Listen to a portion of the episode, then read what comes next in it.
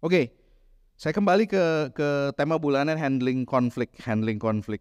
Satu tahun ini saya akan bicara tentang karakter, right? Because it's alive in character, alive in character. Kalau sampai satu tahun ini, satu tahun ini kita nggak dapat apa-apa sama sekali, tidak ada sama sekali yang berubah dari karakter kita, saya rasa saya gagal dan mungkin mau bikin surat aja pulang ke Bandung. Tapi saya harap kita semua bisa sama-sama berubah dalam karakter. Karena judulnya Alive in Character tapi nggak ada yang berubah kan keterlaluan. Satu tahun ngomongin karakter. Dan hari ini saya mau bicara tentang dua orang, tentang konflik dua orang yang ada di Alkitab yang sejak dari dalam kandungan ditakdirkan seperti di setting. Saya nggak mau bilang di, ditakdirkan karena kita nggak percaya takdir Ya, saya juga nggak mau ngomong di setting, tetapi udah kebablasan dua-duanya, jadi ya udah nggak apa-apa. Esau dan Yakub. Waktu pertama kali mereka diceritakan, kalau saudara ingat paragrafnya, kejadian pasal ke-27 cerita soal begini. Ada dua bangsa ada di dalam perut. Dan kemudian dua anak ini akan saling konflik, akan saling bersaing, akan terus-menerus. And true enough, Israel dan Edom akan terus selalu kadang-kadang jadi teman, kadang-kadang jadi musuh, kadang-kadang jadi teman, kadang-kadang jadi musuh. Terus keturunan Israel dan keturunan Edom terus menerus begitu. Tetapi kan bapak emaknya nggak tahu, right? Hari itu mereka nggak tahu. Cerita tentang Esau dan Yakub ini sebetulnya bikin saya bingung kenapa karena mereka sedarah, anak kembar, lahir dari rahim yang sama. Tetapi kemudian ketika mereka lahir, ketika mereka lahir, papi maminya langsung bikin sebuah pembedaan. Waktu firman Tuhan itu datang kepada Rahel, eh sorry, kepada Ribka, Lalu kemudian Ribka dengar, Ribka kan ngobrol sama Ishak ya. Nggak mungkin dong mereka nggak ngobrol, ya kan? Mereka pasti ngomong bahwa ini sudah ditetapkan dua anak akan menjadi dua bangsa yang besar. Kita namain apa ya, gitu kan? Kita cari nama yang besar ya, gitu ya. Enggak. Sekarang kalau saudara hamil pasti yang pertama dicari nama kan? Ya kan? Pasti yang pertama dicari gendernya apa, terus kita siapin nama dengan gender tersebut. Ini begitu lahir, dia lihat anaknya berbulu dikasih nama Esau. Karena karena berbulu. Hairy. Ya. Ketika lahir pertama, iya bu. Untung dia lihat anaknya. Coba kalau dia lihat benda lain. Right? Bisa jadi namanya kayak Pengki gitu. oh, Pengki. Oh, Frankie aja gitu. no, no, I'm sorry to all Frankie. I'm kidding. Frankie is a very good name. Tapi begitu begitu lihat lalu kemudian dia langsung namain Esau. Dan yang lebih menyedihkan lagi, ketika dia lihat anak yang satu lagi memegang tumit dari anak yang lain, dia dinamakan Yakub. Kita tahu, kita diajarin dari sekolah minggu Yakub artinya penipu. Well, Yakub bukan penipu. Arti kata secara literal adalah supplanter. Supplanter is is a stuntman peran pengganti as a double stand. Kalau sampai yang pertama kenapa-napa, ya ini Yakub. Cadangan, ban serep, right? Jadi Yakub ini dinamain begitu karena dia pegang tumit kakaknya waktu dia keluar. Dari sejak awal, papi sama maminya udah punya sebuah pemahaman bahwa anaknya yang pertama akan lebih di favor karena yang kedua cuma cadangan.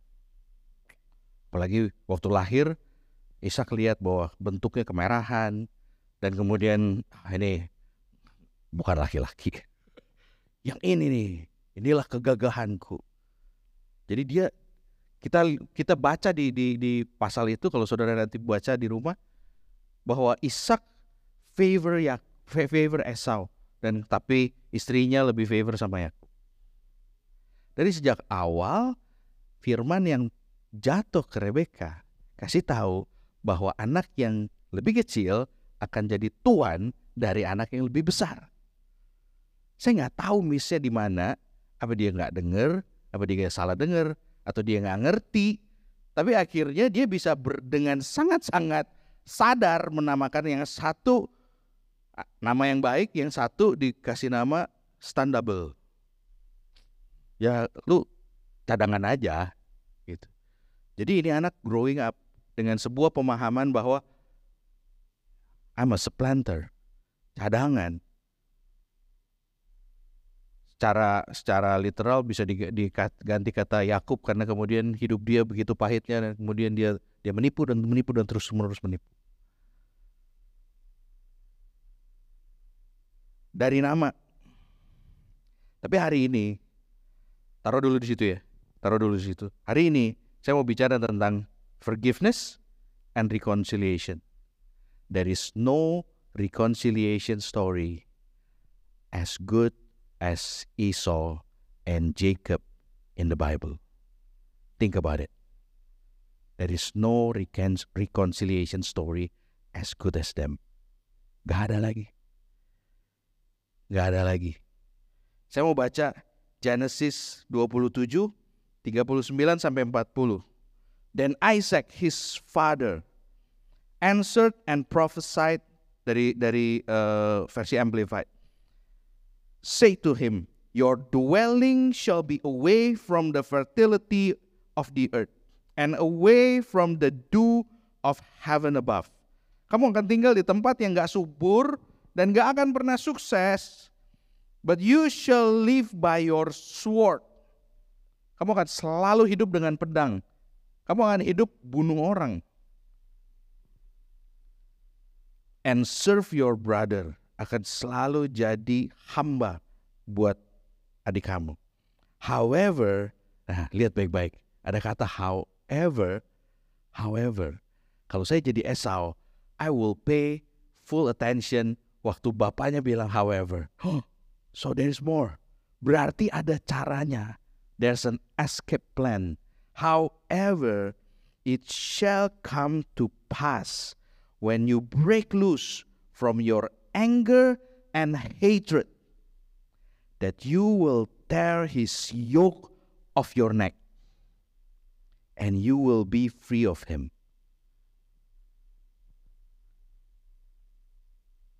Ishak kasih tahu dia ada satu-satunya cara. If you want to be free, you let go everything. If you want to be free, you learn about handling conflicts you learn about forgiveness. Ini Ishak ngomong begini right after dia berkatin Yakub, Yakub pergi, dia lari, lalu kemudian Esau dengan semua kemarahannya, terus dia tanya bapaknya, nggak ada sisanya? You have no more blessing? Gak ada sisanya sama sekali? Tolong dong. Lalu Ishak jawab begini. Dan kemudian hari itu Esau bersumpah, bahwa next time gue ketemu dia, gue matiin. Pateni. Dia udah dia udah punya rencana itu.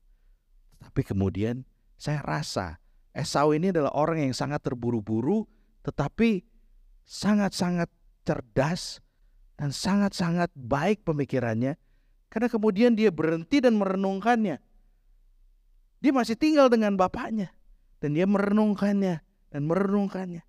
Karena kemudian dia jadi ngerti however it shall come to pass when you break loose from your anger and hatred that you will tear his yoke of your neck. Kamu bakal lepas dan kamu akan tinggal di tempat yang subur. Artinya kan begitu. Dan kamu akan dapetin semua berkat-berkat seperti yang seharusnya kamu dapetin. Gak ada yang lihat ini, cuman Esau yang lihat. Bapaknya nggak nyangka, maminya nggak nyangka. Apalagi Yakub. Dia udah lari dan kemudian dia hidup. Kita tahu ceritanya. Saya mau bacain kejadian 33. Yang tadi saya bacain ada kejadian 27. Waktu berkat itu turun.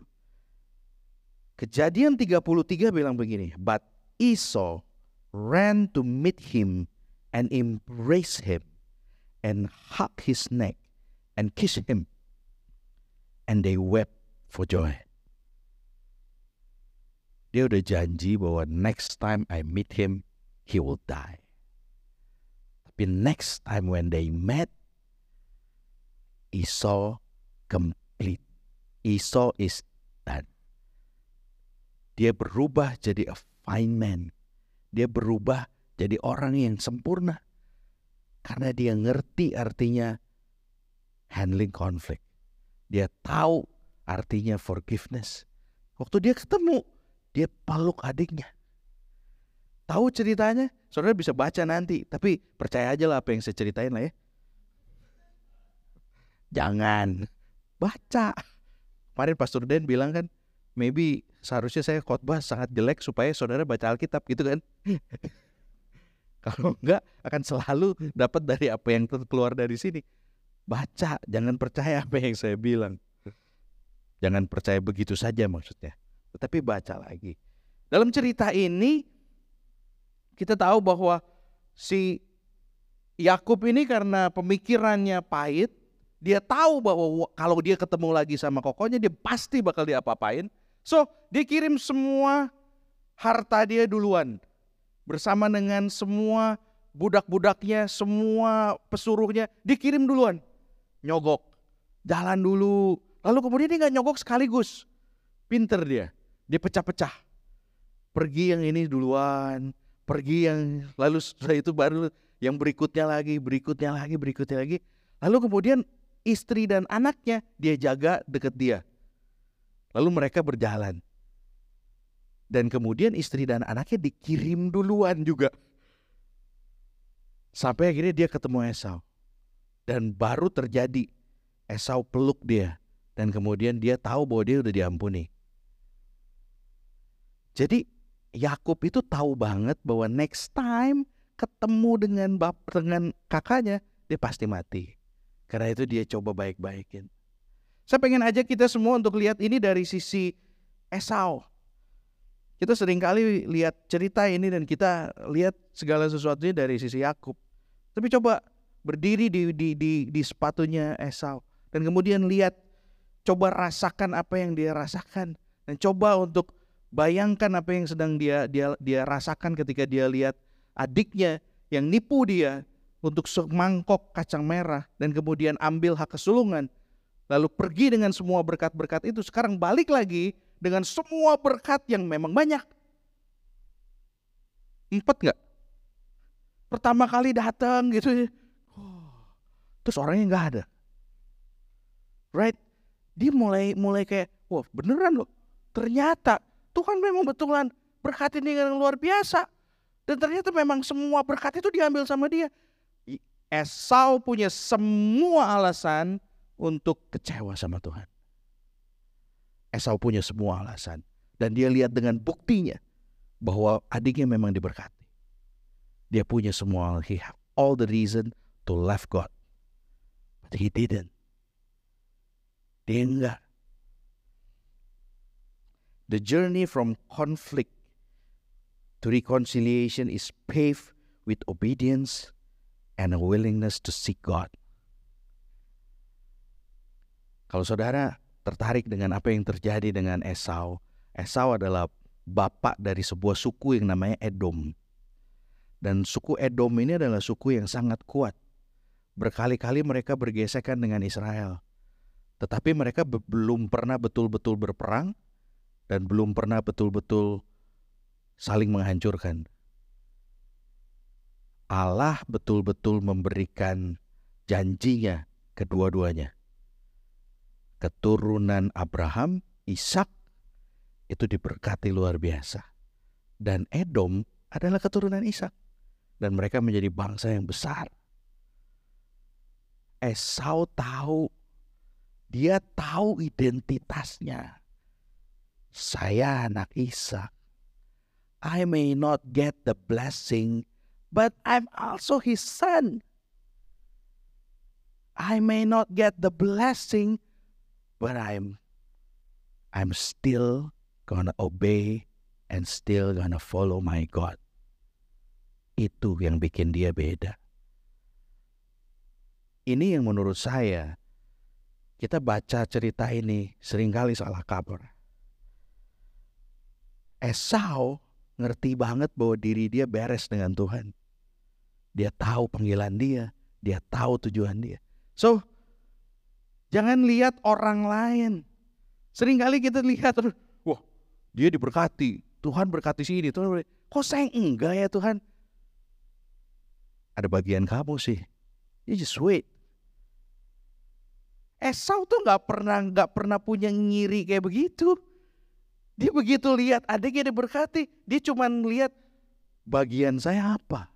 Bagian dia adalah urusin tuh forgiveness, urusin itu rekonsiliasi, dan kemudian dia ingat kata-kata bapaknya. However,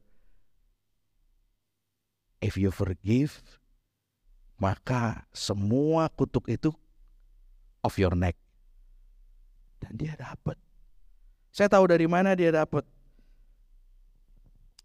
Kejadian 33, Kejadian 33, 8 sampai 9. Dia bilang begini, Esau, Esau asked, What do you mean by all this company which I have met?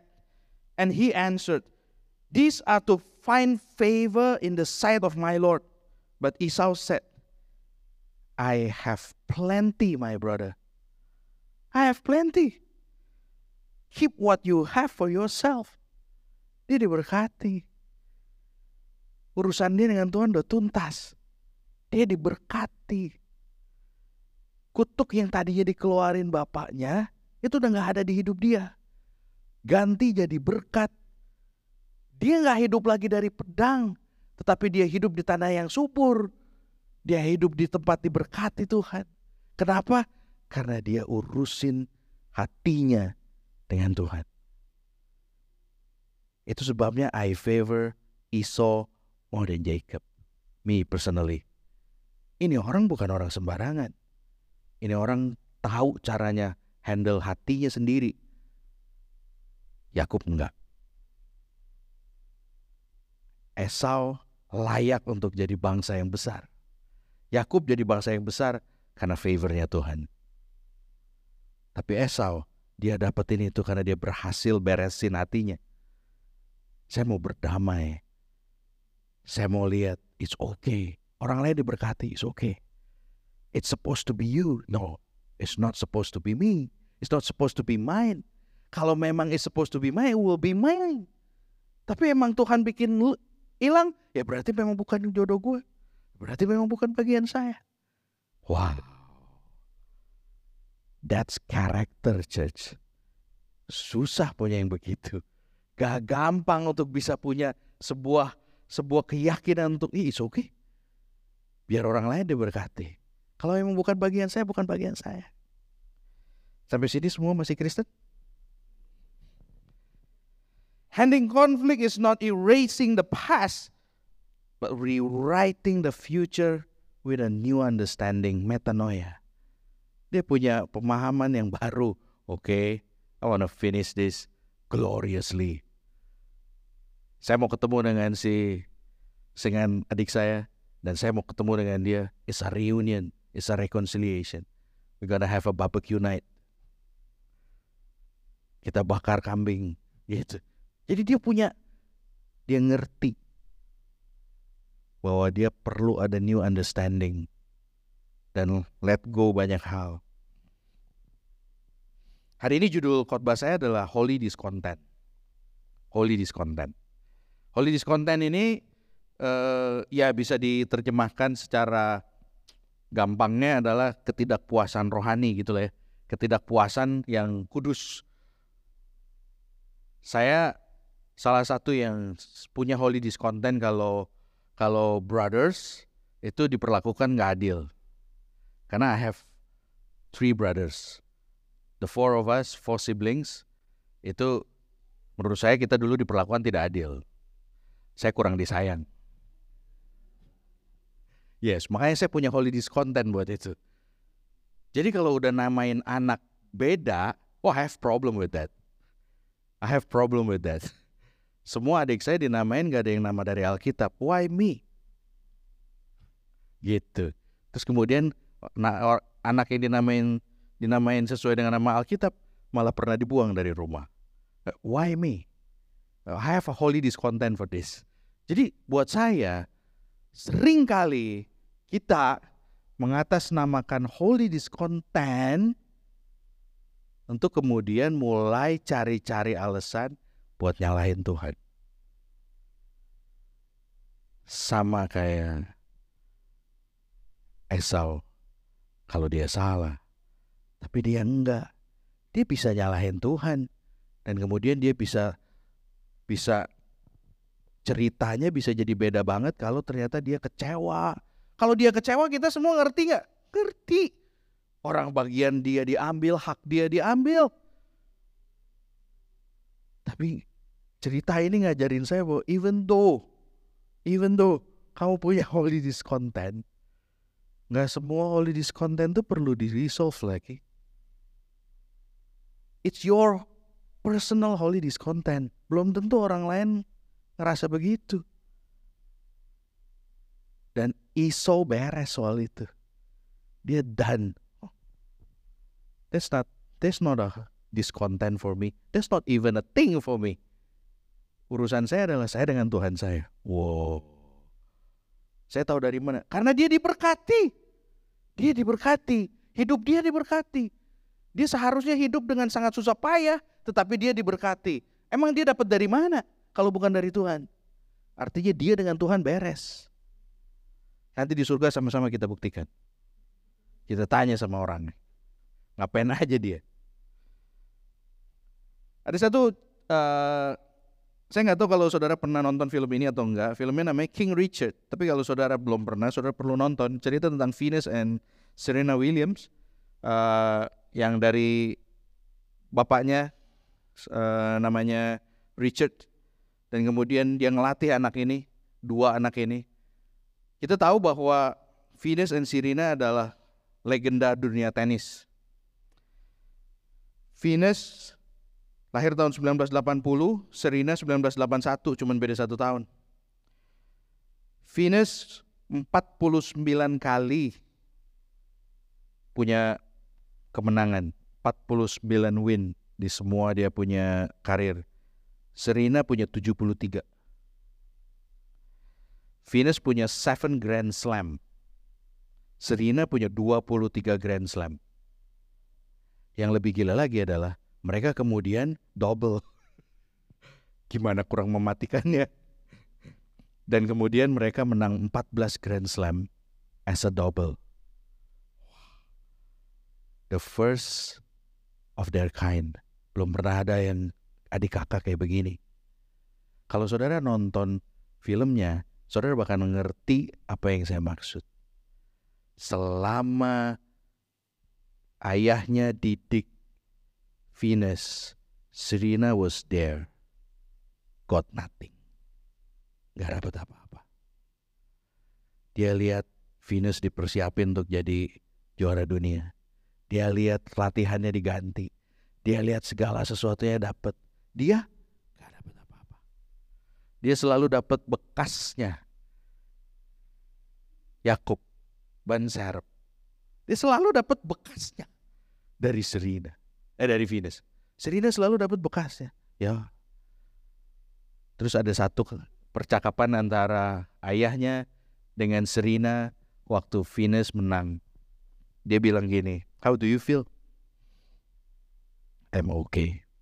Serena bilang itu, I'm okay. Terus dia bilang, King Richard bilang, your sister is gonna be number one in the world and no doubt about it. Terus adiknya jawab, I know.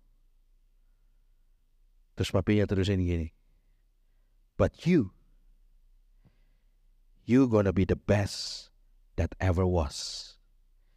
You will be the greatest of all. You are special. Waktu saya dapat itu, waktu saya dengar itu, saya langsung my holy discontent naik. Wow, nggak adil banget, gak adil banget. Yang dipersiapkan Venus, tuh Serena lebih hebat, jauh lebih hebat. Why? She got more talent. Oh, gak adil banget. But you know what? Tuhan kita tuh sering kali adil dengan caranya dia, bukan dengan apa yang kita lihat loh. Ada orang-orang yang dapat lebih, terus kita mau apa? Terus kita mau protes.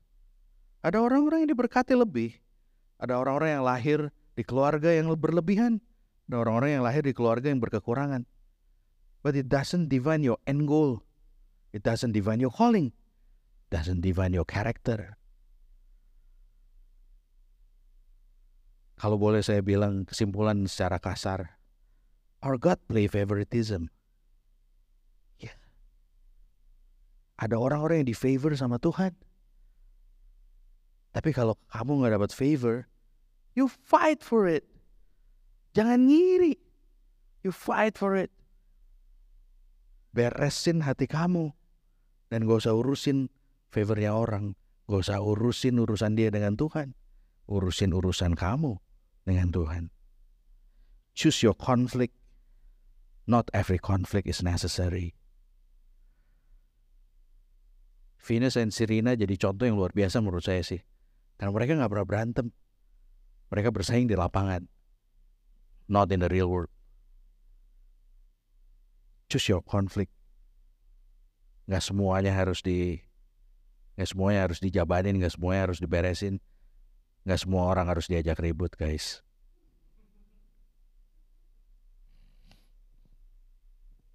Manage your discontent. Even though it is holy, not every discontentment needs resolution. Seringkali dengan mengatasnamakan bagi mengatasnamakan ketidakadilan, kita merasa bahwa saya boleh protes sama Tuhan. Kenapa Tuhan kasih dia lebih banyak? Kenapa Tuhan kasih dia lebih baik, lebih pinter, lebih bisa berpikir? Kenapa Tuhan kasih saya enggak? Discontent, right? Dan dengan kata holy, holy discontent. Lalu kemudian kita coba buat protes sama Tuhan. Why me? Belajar dari Esau. I want to tell you church, belajar dari Esau. Gak ada urusan sama kita. Allah itu berdaulat. Terserah dia. Dia yang Tuhan bukan kita. Let God be God. Jangan kita ngatur-ngatur Tuhan. Jangan ngatur Tuhan cara nolongnya gimana. Dia yang tahu cara nolong yang terbaik. Dia yang tahu kita harus kita harus lakukan apa yang terbaik. Kita yang connect sama dia. Bukannya terus kita marah-marah. Kalau kamu gak puas dengan hidup kamu, jangan marah sama Tuhan. Ngaca. Beli kaca yang gede. Ngaca. Mungkin ada yang salah dengan apa yang kamu bikin. Mungkin ada yang salah dengan apa yang kamu harapkan, ekspektasi, dan mimpikan. Karena orang yang namanya Esau end up sangat diberkati. Padahal favor gak ada sama dia. Think about it. I want to end right now, but I still have a lot. Kalau minggu lalu saudara bisa bertahan begitu lamanya dengan Pastor Daniel, hari ini saya mau tes. Saya kan gembalanya. Masa kalian, masa kalian nggak mau bertahan bersama dengan saya? No, no, no, I'm kidding, I'm kidding. But I still have a few more, so please stay with me for another uh, 10 minutes, okay? So Jacob Jacob. Genesis 32, verse 20. So Jacob named this place Peniel, the face of God, saying, For I have seen God face to face, yet my life has not been snatched away. Hari itu sah satu malam sebelum dia ketemu Esau, dia berkemah, lalu Tuhan datang dan mereka ber, gulat semalam-malaman, wrestle with God, and he's still alive. Lalu dia kasih nama tempat itu Peniel, the face of God. Lalu Tuhan pukul pangkal paha dari Yakub. Dari seorang yang berjalan dengan sangat tegap, lalu waktu dia ketemu dengan Esau, dia jalan dengan terpelecok. Saya nggak percaya Esau jatuh kasihan gara-gara Yakub terpelecok. No, I don't believe that. Saya percaya dari sejak awal Esau sudah diberkati. Bukan karena dia mau bikin rekonsiliasi waktu dia lihat adiknya datang dengan terpelecok. Terus terpelecok ini buat apa? Tuhan selalu bikin apa yang kamu pandang baik, apa yang kamu pandang bangga, hebat, he crush it. Because he wants your heart, not your accomplishment, you know. Dia mau ke hati kamu, bukan kamu punya pencapaian-pencapaian, bukan sesuatu yang kamu banggain. Hari itu, Bapak bangsa Israel diganti nama dari Yakub jadi Israel, the wrestler of God. Tapi jalannya pincang. Ada banyak orang yang mikir gini, kalau saya dapat favornya Tuhan, harusnya saya baik-baik aja. Kalau saya dapat favornya Tuhan, harusnya hidup saya lancar. Semua pintu terbuka, bahkan bukan cuma pintu, jendela aja kebuka. Dan saya bisa masuk lewat jendela, maling namanya. Right? Harus masuk lewat pintu. Kita berpikir kalau Tuhan favor kita, pasti semua jalan bakal mulus. Kata siapa? Baca Alkitab kita baik-baik, Waktu kita di favor Tuhan, Tuhan pukul pangkal pahanya dan dia berjalan pincang seumur hidupnya. Apa yang kamu pandang sempurna, apa yang kamu pandang baik, itu yang dipukul Tuhan. Tuhan mau kasih lihat bahwa hey, you live by my favor, you know. Not with your own might.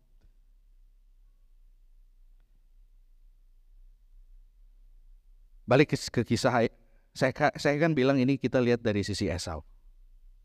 Balik ke sisi Esau. Before every resolve conflict, there's a face of God. Ada satu ayat yang saya nggak mau masukin, tapi akan terkepanjangan. Tadinya saya bikin di, di, di catatan saya, tapi uh, saya hapus. Saudara bisa baca Semoga jadi pengen baca kan kalau saya cerita gini.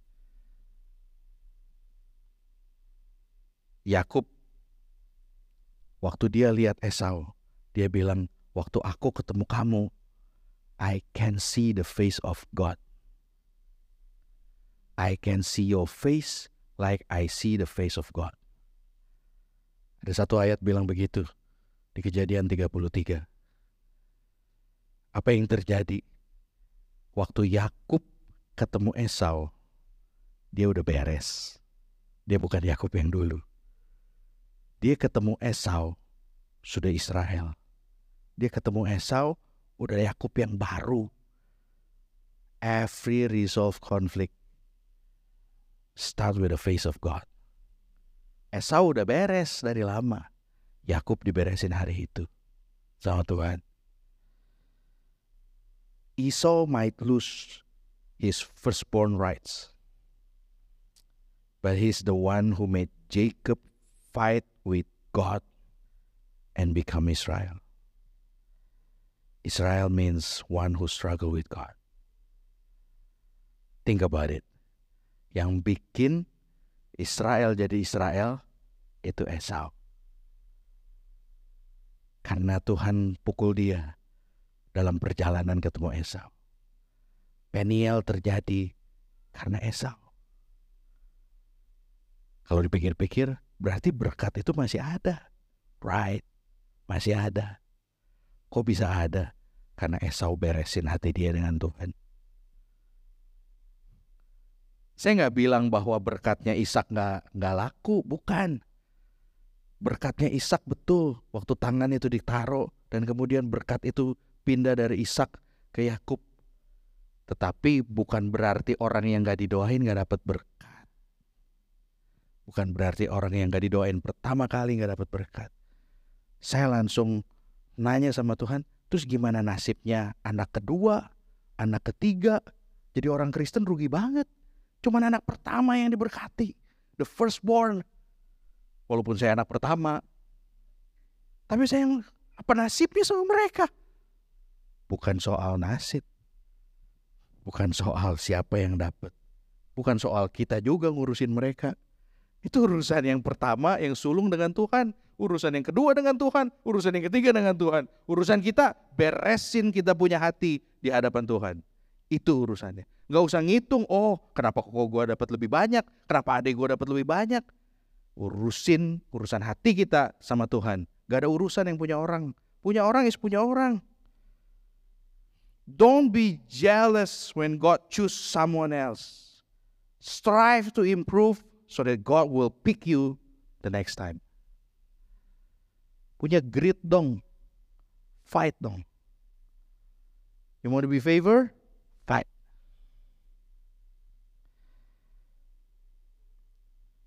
I'm gonna close with this ya. Saya tahu saya masih banyak. But I'm gonna close with this. The beauty of reconciliation is found not in erasing the past, but in using it as a springboard for a better future. Batu loncatan buat masa depan. About it. Yuk kita sama-sama berdiri. Saya mau berdoa buat saudara. Let's close our eyes, bow our head.